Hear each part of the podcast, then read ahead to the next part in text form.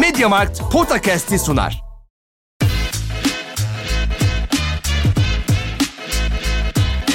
Potakast.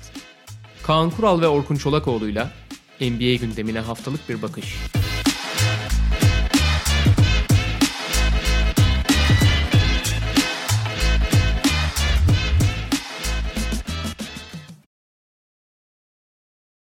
Merhaba, Mediamarkt'ın sunduğu Podcast'e hoş geldiniz. Kaan Kural'la birlikteyiz. Bu defa uzaklardayız birbirimize göre. Stüdyoda olmayı geçtim. Aynı ülkede değiliz be. Aynı ülkede değiliz. Ben teknolojik anlamda bir 5 sene öncesine döndüm. Hadi 5 sene demeyelim de mikrofon gibi e, özel mikrofon olanağım yok en azından. Bir otel odasından bağlanıyorum. Kaan abi evinde, odasında yine kendi teçhizatıyla hazır.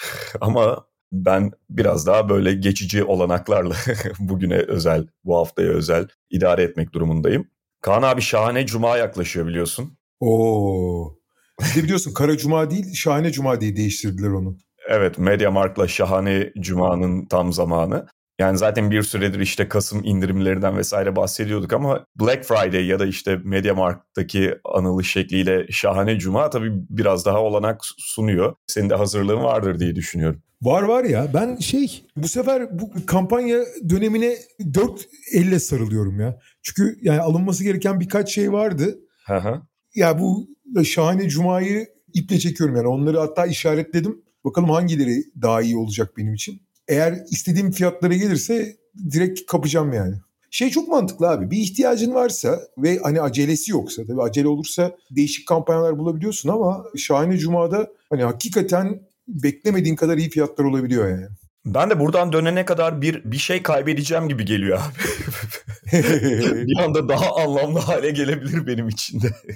Yok abi oradan da takip edebilirsin sonuçta. Online de yapabiliyorsun bazı Yok, şeyleri. Tabii tabii yani hani zaruri bir hale geleceksin gibi de geliyor bir yandan. Onu da hissediyorum. Dün akşam özellikle o korkuyu yaşadım çünkü. Peki şimdi bugünkü konularımıza geçelim istersen.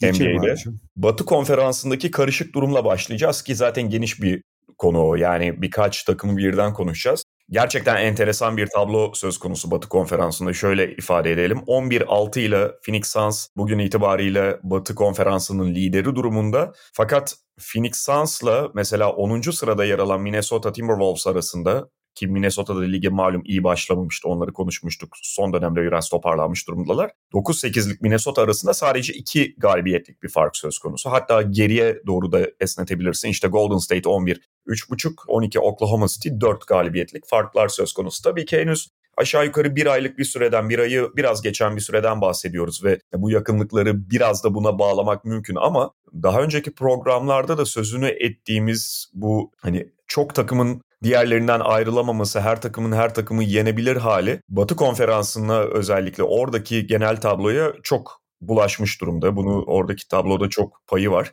Neresinden yorumlamak gerekiyor? E, Nasıl başlamak istersin?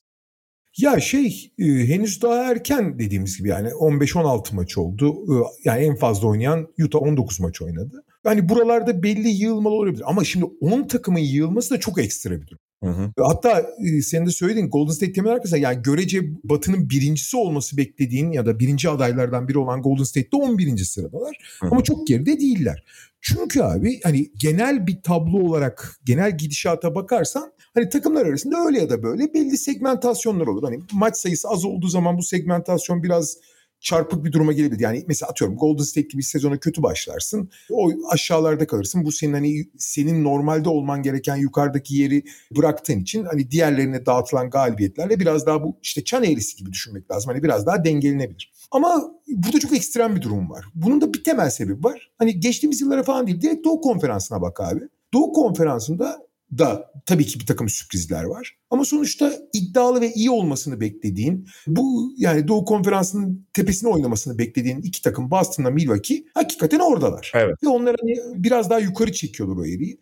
E iyi ol mesela atıyorum Philadelphia'nın da daha ben daha iyi olmasını bekliyordum. Olmadı ama ortada kaldı ama sonuçta iyi olmasını, ilk üç sırada olmasını beklediğim Boston'la Milwaukee orada kalınca Philadelphia'nın aşağıda kalması çok problem oldu. Veya işte hani daha yukarıda olmasını beklediğim Miami aşağıda kaldı. E, ama o da şey e, bütün dengeleri alt üst etmedi. Doğal olarak da Cleveland, Washington, Toronto, New York, Brooklyn bir şekilde sıralandılar. İşte orada hani ekstradan aşağıdan yukarı çıkan tabii ki olacak. Indiana gibi mesela.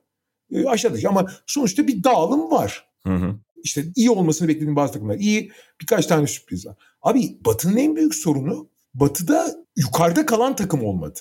Yani işte Batı birincisi Phoenix %64 galibiyet yüzdesinde. Yani 11-6'lar. Hani öyle lider gibi değiller. Abi şey hani bir günde yedinci olan Denver liderliğe yükselebilir. Bir galibiyet ayırıyor abi Denver'la Phoenix. Dün Denver mesela acayip tuhaf bir mağlubiyet aldı. Yani evinde Detroit'e yenildi ki tam kadro olmalarına rağmen. Yok hiç de dönmüş olmasına rağmen.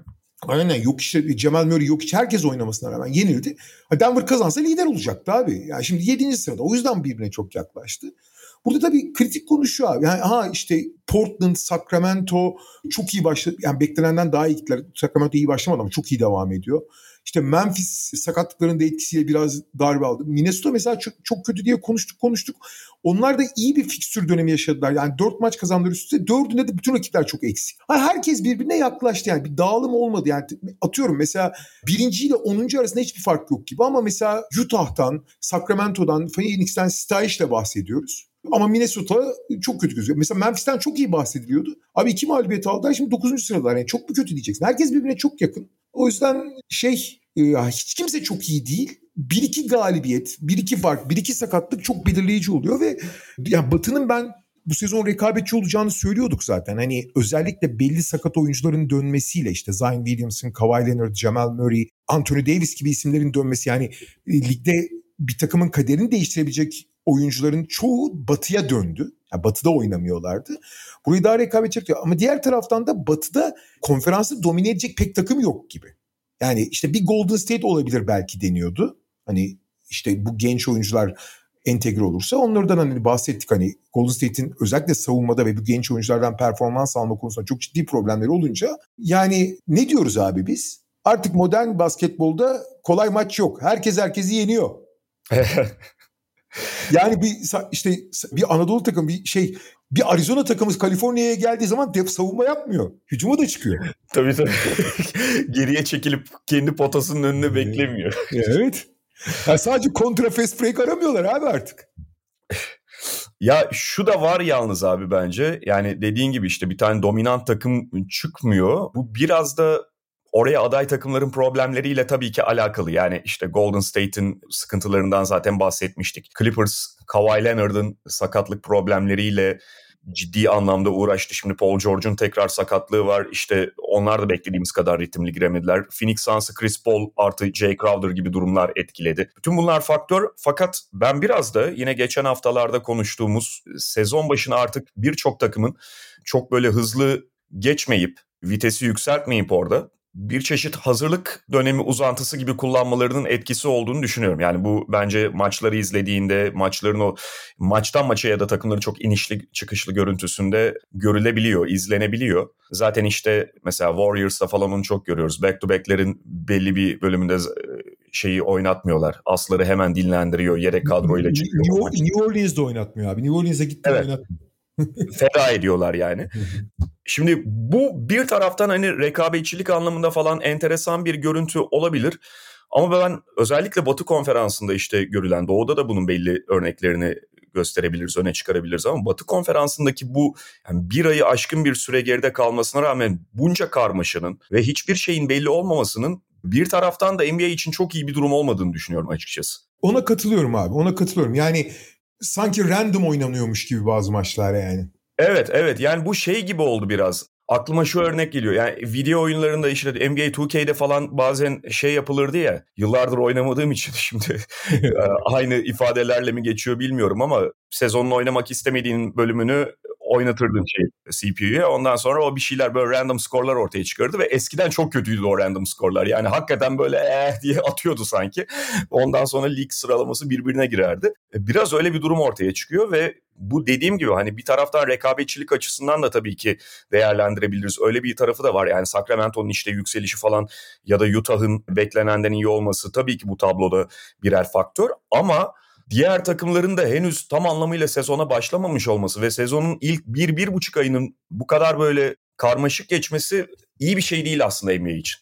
Katılıyorum. Yalnız şu da var abi. Hani madalyonun diğer tarafı da var. Abi bu sene bunu daha önce de konuşmuştuk ama ben hemen hemen yani bir iki tane gerçekten çok mesela Houston gibi çok dağınık bir iki takım var ama abi şimdi basketbol öyle bir yere geldi ki yetenek havuzu inanılmaz abi. Yani bugün hani zayıf diye nitelediğin takımlarda bile Hı. o kadar kapasiteli birkaç oyuncu var ki artı oyunda abi doğru kurguladığın zaman 3 sayının değeri o kadar arttı ve takımlarda yani 30 ta- 30 tane takımdan bahsediyoruz abi. Yani bunun 20 tanesi bile bahsettiğimiz şeyde olsa bu çok ciddi bir rakam demektir. Hani bunu başka bir spor branşında, başka bir ligde kolay kolay bulamazsın. Hı hı. Şimdi doğru organize olup doğru şekilde doğru şutu bulabilirsen mesela San Antonio'nun durumu. Tamam San Antonio bence ligin en zayıf kadrosu. Kapasite açısından, hücum kapasitesi açısından.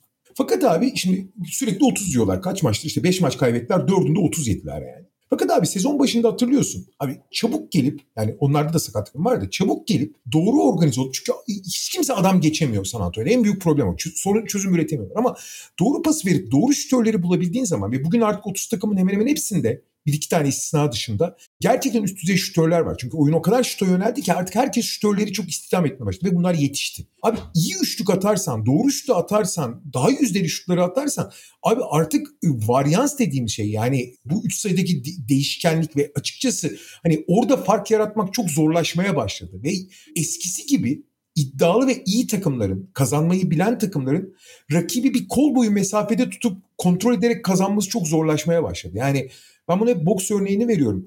Hani üst düzey boksörler yeni yetme gençleri işte kol mesafesinde tutar hiç gardını indirmez. Çünkü hani Hı hı. boşu boşuna boşa yumruk sallamasını sağlar sonra ikinci üçüncü roundda indirir ya rahatça hani yorulduktan sonra. Biraz onu yapmak çok zorlaşmaya başladı abi. Yani aynı konsantrasyonu, aynı çabayı göstermezsen eğer genç, yırtıcı, biraz da ne yaptığını bilen bir iki oyuncuya sahip takımlarda hakikaten çok zorlanıyorsun. Mesela bunun en güzel örneği bence bak San, Antonio ile Charlotte şu anda ligin en sorunlu takımları diyebiliriz belki de ikisine Detroit ile birlikte. Bence San Antonio, Charlotte, Houston ve Detroit en sorunlu takımlar. Yani en ne derler kapasitesi çok düşük takımlar. Zaten hani ligin son sıralarında olması bekleniyordu. Fakat abi Detroit'te şeyi bir kenara bırakıyorum.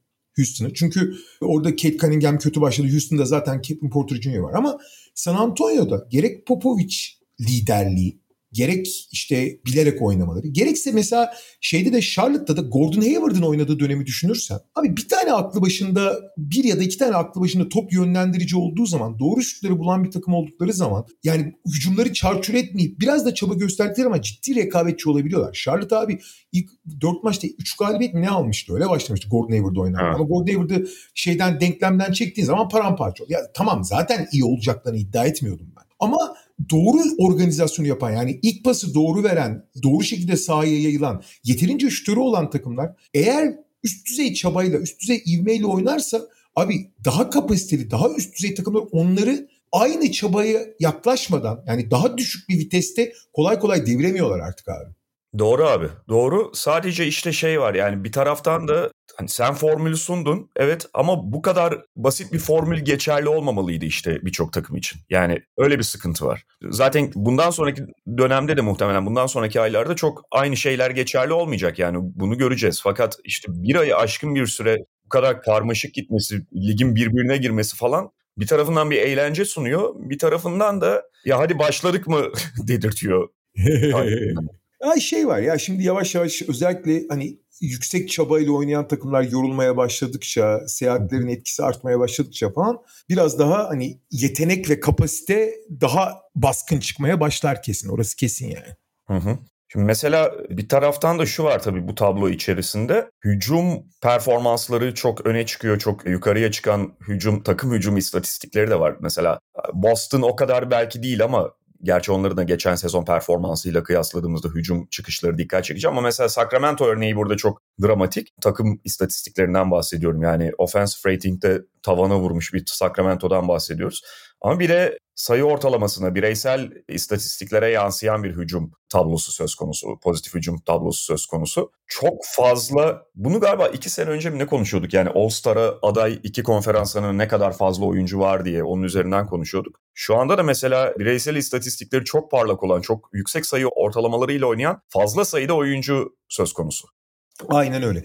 Ya bu ya mesela şey şu anda abi 20 sayı ortalamanın üzerinde 37 oyuncu var NBA'de. 36 özür dilerim. 36 oyuncu var.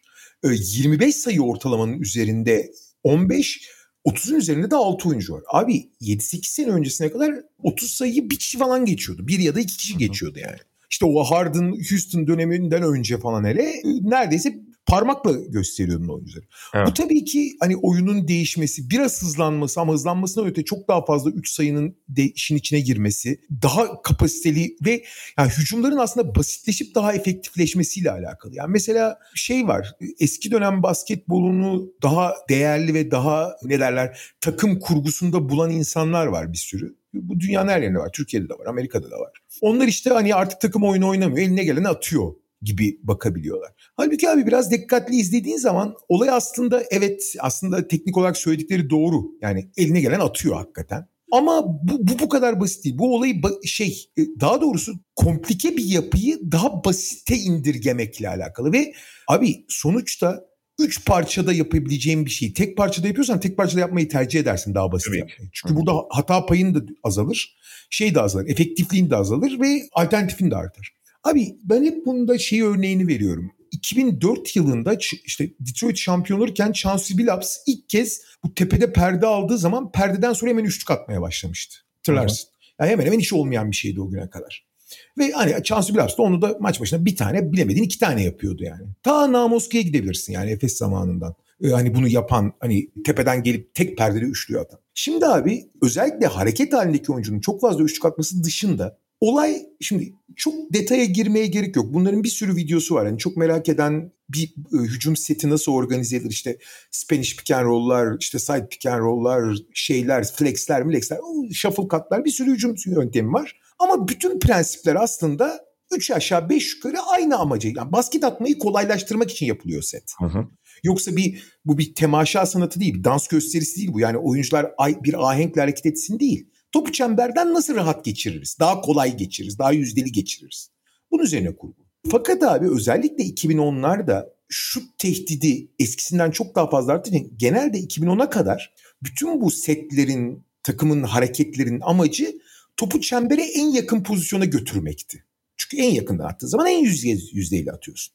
Ve açıkçası orada hani uzun adama verdiğin zaman daha da yani uzun adama bir şekilde topu geçirmek üzerine kurguluydu vesaire vesaire. Fakat abi bunun için bir sürü çok yaratıcı yöntemler de var. Fakat bunların hepsinin bir kere şunu söyleyeyim abi. İşte San Antonio Beautiful Game işte çok buna optimizasyon basketbolu deniyor. Yani işte perdelerin açılarından oyuncuların birbirine olan mesafesi milimetresi milimetresine hesaplanıyor. İşte bunu çok dikte eden koçlar var, takımlar var vesaire. Buradan çok güzel organizasyonlar yapıyor. Hiçbir şey demiyorum. Fakat ne kadar optimizasyon üzerine oynarsan bunun hata yapma payı veya bir yerde istenen şekilde açıları veya pasları bulamama ihtimali de fazla. Ve abi dünyanın en iyi basketbolunu oynayan takımları bile işte 2004'lerin Makabilerini sahip işte ne bileyim işte 2014 San Antonio'yu söylüyor falan. Abi ortalama hücumların yarısından fazlası setin bir noktada kesilip yaratıcılığa dönüştü senaryolarda oluyordu. O yani hareket bir noktada kesiliyor abi. Yarısından hiç kimse yarısına bile ulaşamıyordu setlerin. Hı hı. Ha set kesildiği zaman alternatifine gidiyorsun. Opsiyonuna gidiyorsun. Şimdi abi basketbol o kadar daha geniş bir alanda şut tehdidine oynanıyor ve o kadar fazla farklı amaç var ki. Yani bugün pota altında smaç yaptırmak uzuna hala temel hedef olabilirse. Ama abi köşe üçlü atmak da bir hedef. O yüzden mesela transition'da gelirken takımlar üçlük atıyorlar vesaire. Burada kritik nokta abi ana aksiyon dediğimiz şey yani ilk hücumun aksiyon aldığı bir şey yapmaya çalıştığı noktada üçlü tehdit kullanmaya çalışıyorlar. Üçlü tehditle basketbolun en temel felsefesi şut, pas ve penetre. Bunu yapabilen oyuncular direkt bunu yapmaya çalışıyorlar. Yani setin diğer parçaları hiç önemli değil başta. Babacım sen ilk aksiyonu yaptığın zaman perde mi alırsın, pick and roll mu oynarsın yoksa işte birebir mi izolasyon mu yaparsın hiç önemli değil. Hiç önemli değil. Yani set var herkes set yapıyor bu arada. Fakat ilk aksiyondan sen izolasyon olur şey olur ne olursa olsun. İlk aksiyondan bir avantaj yakalayabiliyorsan yani işte penetre edebiliyorsan. Işte. Ha bu avantajı yakalamak için bir üçlü tehdidin olması lazım ki savunmaya maksimum baskıyı kurabil ve maksimum avantajı yakala. Onun üzerine oluşan avantajdan yürümeye devam ediyorlar. Ve bu abi hücumları daha verimli kıldı. Ha daha kapasiteli oyunculara sahipler evet ve daha verimli kıldı. Bu da abi özellikle bireysel rakamları bu ana aksiyondaki tehdit yaratan oyuncuların ana onların üzerine yıkılan şeyi çok fazla kaldırabilmesi sayesinde çok yüksek rakamlara çıktık abi. E, evet ve senin az önce ifade ettiğin gibi yani 20'yi bir çizgi olarak çekersek çünkü tarih boyunca şeydir o biraz psikolojik bariyer gibi bir şeydir. 36 oyuncu var ya. Evet abi. Birçok oyuncu da sınırda dolanıyor yani 36'dan 40'a falan da çok rahat gelebilir. İşte 25'i yine bir çizgi olarak çektiğinde 15 oyuncu var bu çok ciddi bir miktar. 30'un üzerinde 6 oyuncu var 30'un epey yakınında olan 3 oyuncu daha var bugün itibariyle. Abi mesela 20 diyorsun 36 oyuncu. Abi 30 takım var zaten. Yani kabaca konuşuyorum. Her Abi her- bir tane düşüyor. Abi Yani. her takımda bir tane net skorer var yani. Evet, evet. Mesela 75 oyuncu 15 ve üzerinde sayı üretiyor. Abi 75 demek iki, her takımda iki buçuk tane skor opsiyonu var demek bu. Bu arada tabii yani hani çok bu miktarı zaten değiştireceğinden değil de şimdi bir yandan bakarken fark ettim. Mesela listeye şu anda sakatlık ve kaçırdığı maç sayısından ötürü LeBron James dahil olmuyor.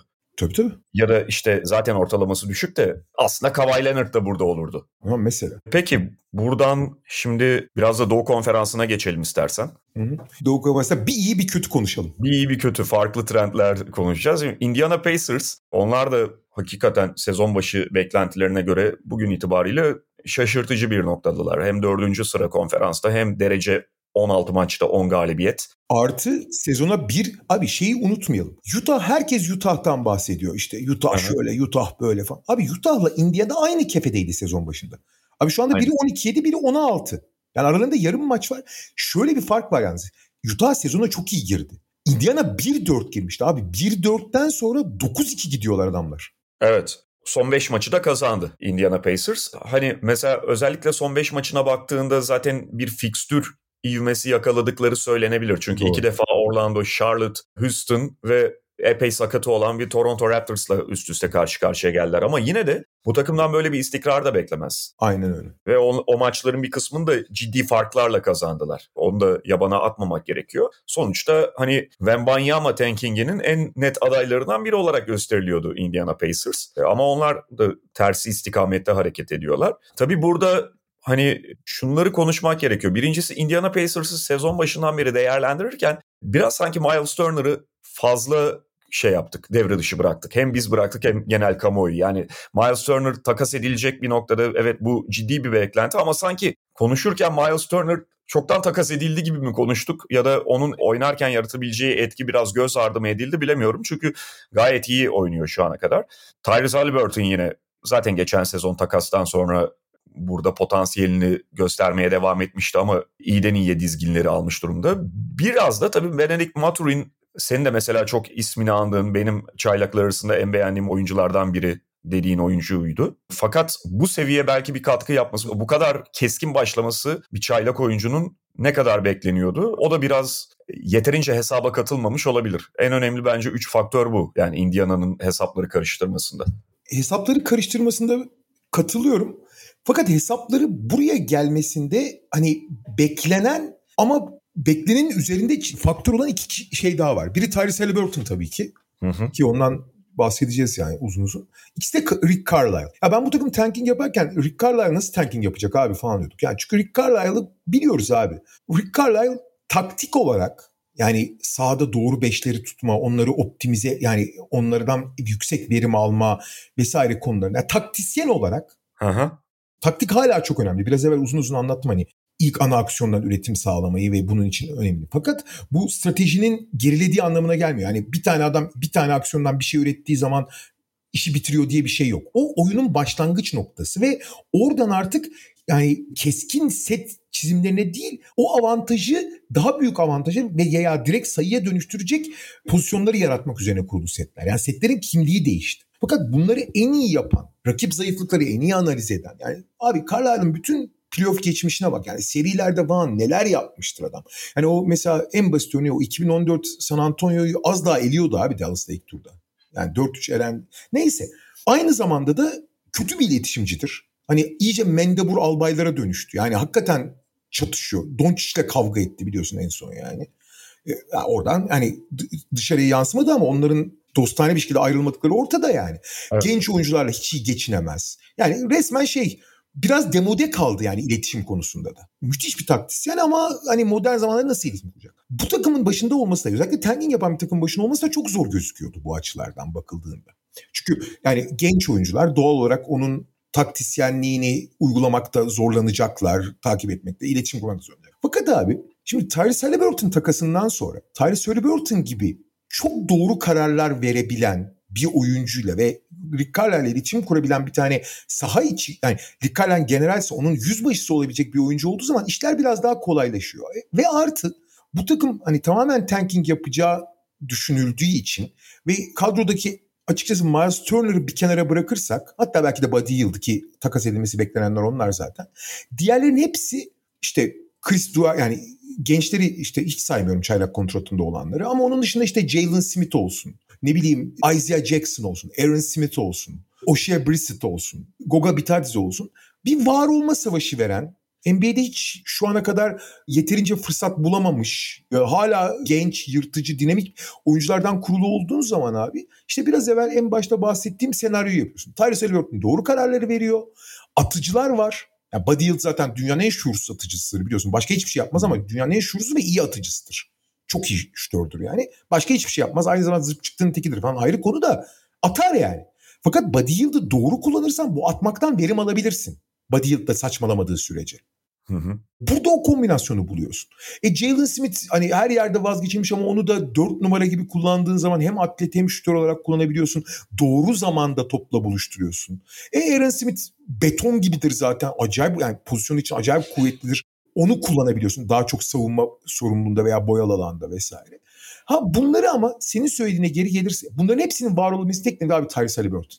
Abi herif 10.7 asist ligin asist kralı şu anda. Evet. Ve tamam yani Tyrese Halliburton'un özel bir oyuncu olduğunu düşünüyorduk herkes. Ben biliyorsun drafttan önce de söylüyorum çok beğendim falan diye. Ama abi kimse bunu tahmin edemezdi yani. Bir kere çok ince olduğu için o yıpratıcılığı kaldırabilecek mi? Tamam pasör ama ana pasör olmak o kadar kolay değil. Bunların hepsini düşünüyorduk yani. Hani söylüyorduk da zaten. Abi hepsinin altından fazla fazla kalktı. Bu jump pass diye bir şey var. Yani sıçradıktan sonra pas vermek. Yani çok ileri teknik ve çok ya, şeydir, tehlikeli bir tekniktir o. Yani çünkü sıçradıktan sonra karar verirsen bazı şeylere Jamorant ya Jamorant gibi muazzam bir akrobat olman lazım. Ya da aşırı keskin ve biraz da şanslı olman lazım Tyrese Halliburton. Çünkü sıçradıktan sonra eğer pencereyi bulamazsan ya steps yaparsın ya saçmalarsın ya top kaybı yaparsın. Tyrese Halliburton yani 10.7 asiste 3.1 top kaybı az değil ama 10.7 asist yapan ve bu kadar takımı yöneten bir oyuncu için çok ciddi, çok iyi bir rakam. Hele ki onun ne kadar riskli oynadığı düşünülürse. En azından teorik olarak riskli. Yani teorik olarak riskli bir şeyi eğer verimli yapabiliyorsan çok büyük avantaj demektir bu yani.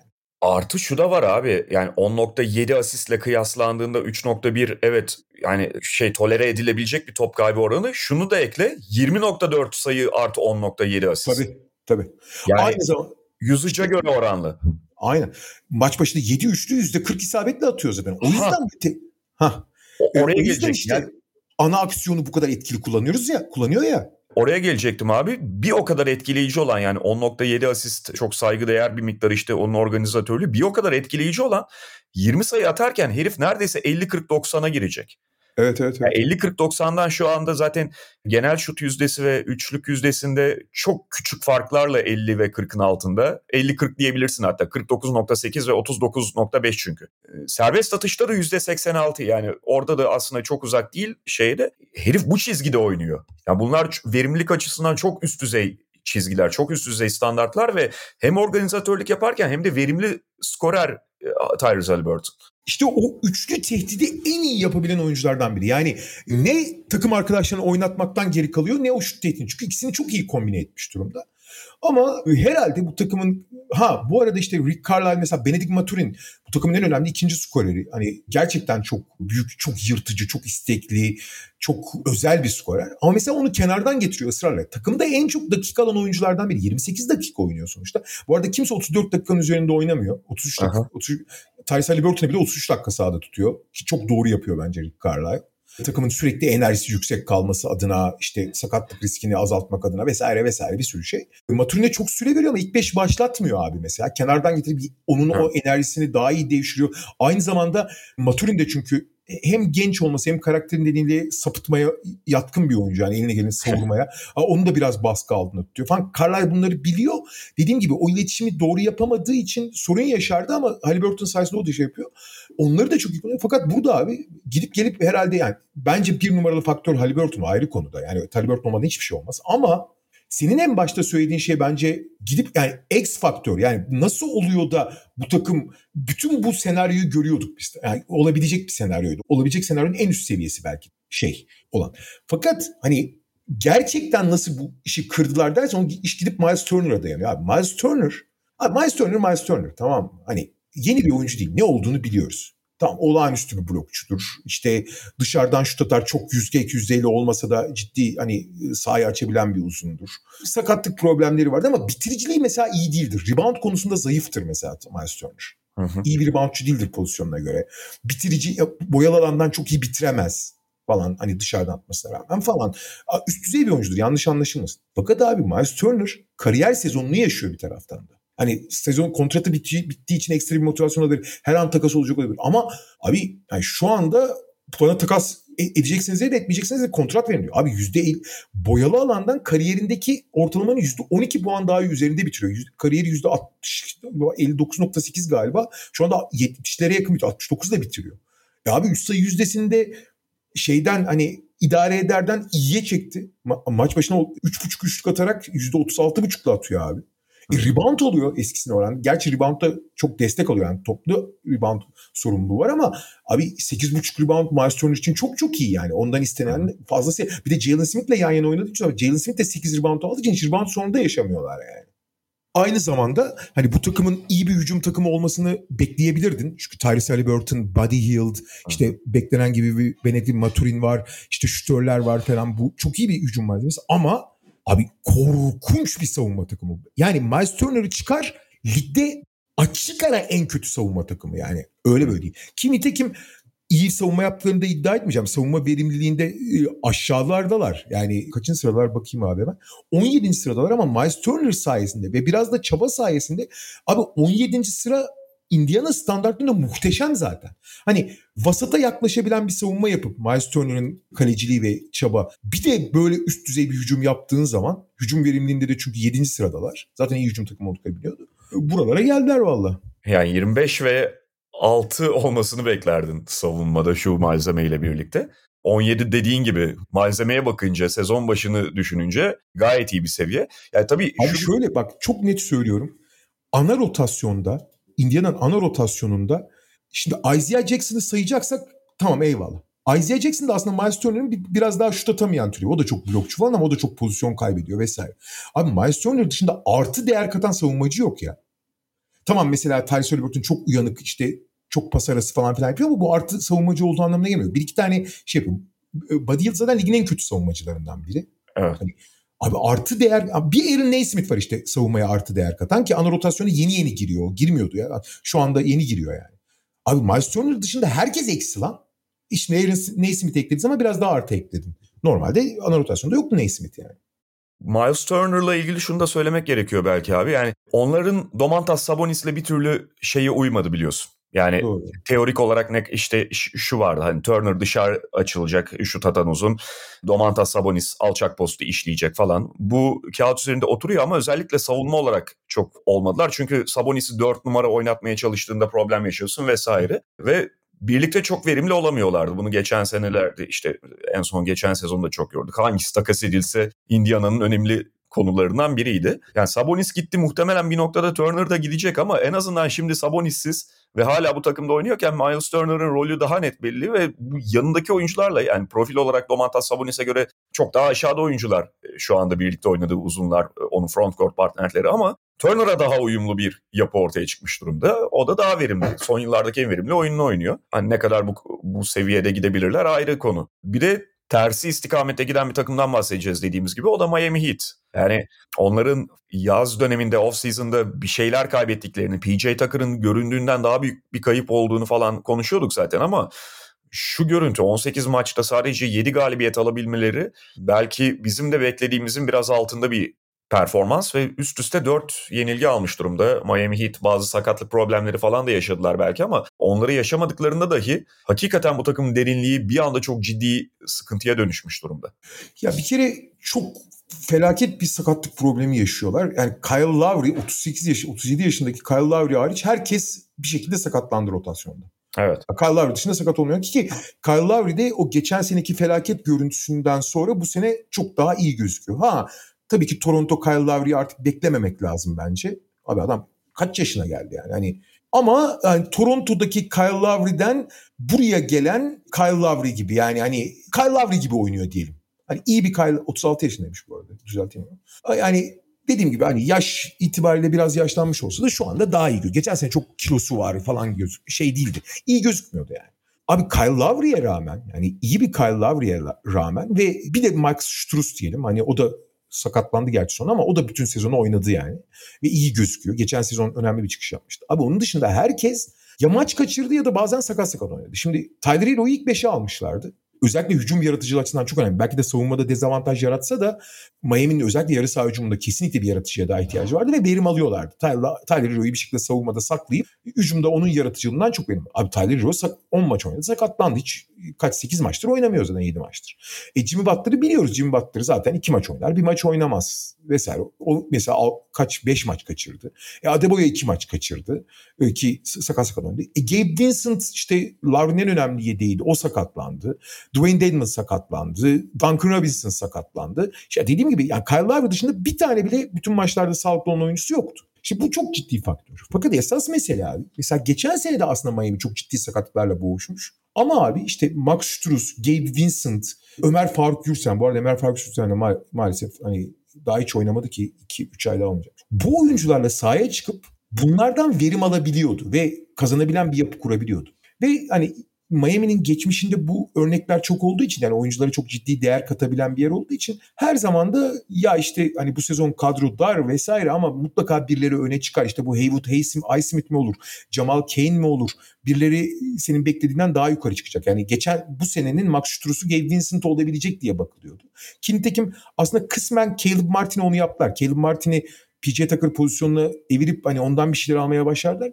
Ama abi bu da hani her sene bir oyuncuya süper değer katamıyorsun abi. Öyle bir şey yok yani. Tamam bu konuda iyi bir takım olabilirsin. Bu takımda bu konuda değerli bir takım olabilirsin. Olağanüstü bir koçun olduğu için bu oyunculardan verim de alabilirsin. Teknik anlamda da oyuncu geliştirme anlamında da. Ama abi yani evdeki çöplerden orkestra kurduğu videosu vardı ya. abi her zaman olmuyor o iş yani. Ya bu takımın özellikle abi Bam Adebayo yani şimdi savunma dediğin şey abi çok ciddi fiziksel özellikler istiyor ve Miami'nin yaptığı savunmayı unutmayalım abi. Standart savunma yapmıyor Miami. Miami topa saldıran bir savunma yaptığı için çok iyi koordinasyon, çok iyi organizasyon gerekiyor. Çaba ve atletik yetenekten bağımsız olarak. Topa saldıran muazzam bir savunma yapıyorlar. Ama topa saldırmak demek abi çok ciddi riskler alıp rotasyonun çok yerinde olması demek. Abi Bam Adebayo olmadığı zaman ya da Bam Adebayo süper olmadığı zaman her yerden gedik görüyorsun. E, Tyler Hero'yu oraya monte ettiğin zaman zaten belli şeylerde ödün vermişsin demektir o savunma pek olmuyor şu anda. Yani e, Miami savunmayla ayakta kalabilen bir takım. Şu anda vasatlar abi 14. sıralar savunmada. E hücumdaki sorunları hiç söylemiyorum zaten. Hücum eskiden de sorunluydu. O savunmanın tetiklediği, ürettiği transition hücumlar olmadan yani bir Toronto ölçeğinde olmasa da savunmanın ürettiği sayılardan. Çünkü topa saldırdığın zaman bu top kaybına zorlamak demek, top çalma demek. Ve bu hücumu tetikleyen bir faktör. Bunlar olmadığı zaman ciddi anlamda sorun yaşıyorsun abi. E oyunun sıkıştığında çözebileceğin yani topu emanet edebileceğin oyuncu sayısı da çok azaldı. Tyler Hero sakat, Jim Butler sakat. Kyle Lowry o görevi tam yapamıyor. Hatta artık az yapabiliyor diyelim. E hücumun sıkıntılı olduğu belli özellikle yarı sahada. Zaten küçük bir takımsın. Tamam iyi savunma takımısın ama küçük takımsın abi. Fiziksel olarak hani boyutsal olarak küçüksün. Bam Adebayo'dan başlayarak. Bam Adebayo da pozisyon için küçük abi. E, zaten küçük takımsın savunmanın tetiklediği sayılar yok. Yarı saha hücumun sorunlu. Hayvan gibi sakatlık problemi var. Yeni bir sürü yani cikletten adam çıkarmak da her sene olmuyor abi böyle kolay kolay. Aynen yani biraz şey durumu oldu sanki Miami'de. Yönetim e, falan e, sadece buna sırtını dayadı demiyorum ama genel kamuoyu beklentisi de hani sezon başlarken hep şuydu. Miami zaten yeni birilerini çıkarır. İçeriden şu oyunculardan bu oyunculardan şu anda no name olan oyunculardan bir üretim alır diye düşünülüyordu. Fakat bu biraz şey gibi Türk futbolundaki. İşte Fatih Hoca onu adam eder, Şenol Güneş onu oynatır. gibi. Abi herkese de işlemiyor. Yani bir noktada da artık bir oyuncuya da dokunamayabiliyor. Bir oyuncu da ona reaksiyon veremeyebiliyor. Ya da bir oyuncunun da Miami örneğinden devam edersek kapasite yetmeyebiliyor abi. Şu anda o deniz bitmiş gözüküyor burada. En azından bu kadronun alternatif oyuncuları için. Evet. Hocam Şenol Güneş gelir hepsi bak nasıl topçu olacak ben sana söyleyeyim. Onları yukarıya çeker. Oynatamıyor şey. Ciddi problem bu hakikaten ve şey geçen sene nasıl bahsediyorduk bu takımdan işte. Geçen sene de sakatlık problemleri vesaire yaşarken beklenmedik bir derinlik ortaya çıkarmışlardı. Normal sezonun büyük bölümünde çok iyi götürdüler ama aynı şeyi sürekli farklı oyuncularla sürdüremiyorsun yani. Valla ben geçen sene yaptıklarına hayran olmuştum. Ve benim onlardan sezon başı beklentim de çok düşük. Yani bu takımın kapasitesi çok sınırlı falan dedim. O kadar sakatlar. Ama hani abi Gabe Vincent, Max Struz ve Ömer Faruk Yurtseven'in ki yani Ömer Faruk şey Adebayo'nun olmadığı bölümde oynadı. Yani bütün sezon oynadı ama Gabe Vincent'la Max Struz de ana rotasyon oyuncusu oldu. Evet.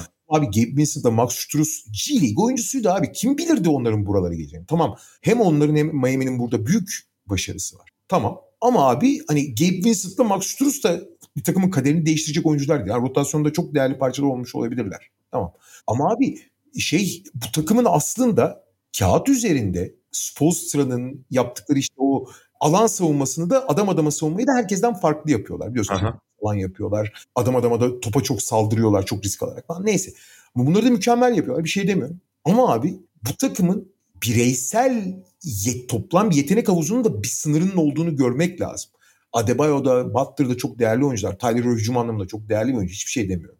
Ama abi hani Miami yetenekleri sayesinde rakipleri deviren bir takım hiç olmadı zaten.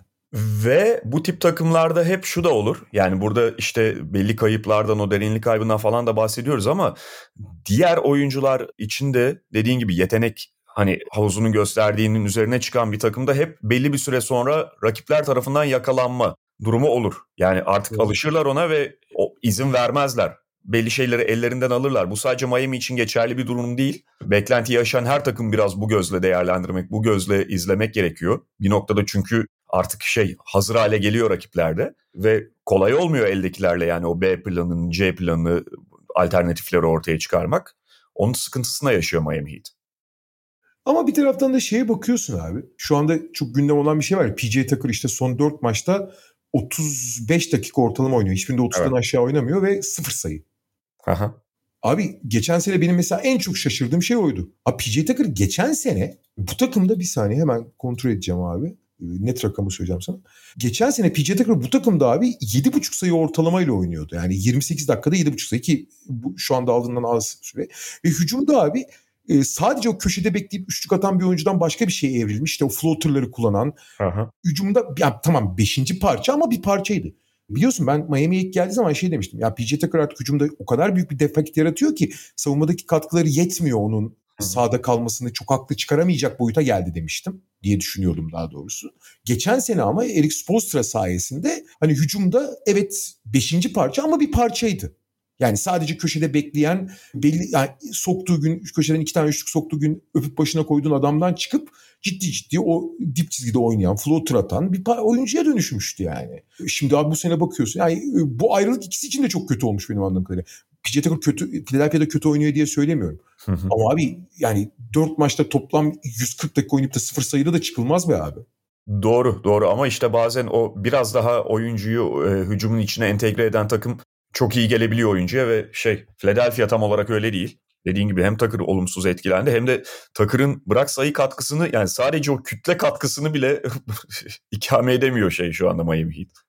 Ekleyeceğin bir şey var mı abi ya da bir şey atladın mı hatırlamıyorum. Yok abi, yok abi bunları konuşalım demiştik. Evet o zaman bugünlük sonuna geliyoruz. Media Markt'ın sunduğu podcast'ten bu haftalık bu kadar. Haftaya tekrar görüşmek üzere diyoruz. Hoşçakalın. Hoşçakalın. Media Markt Podcast'i sundu.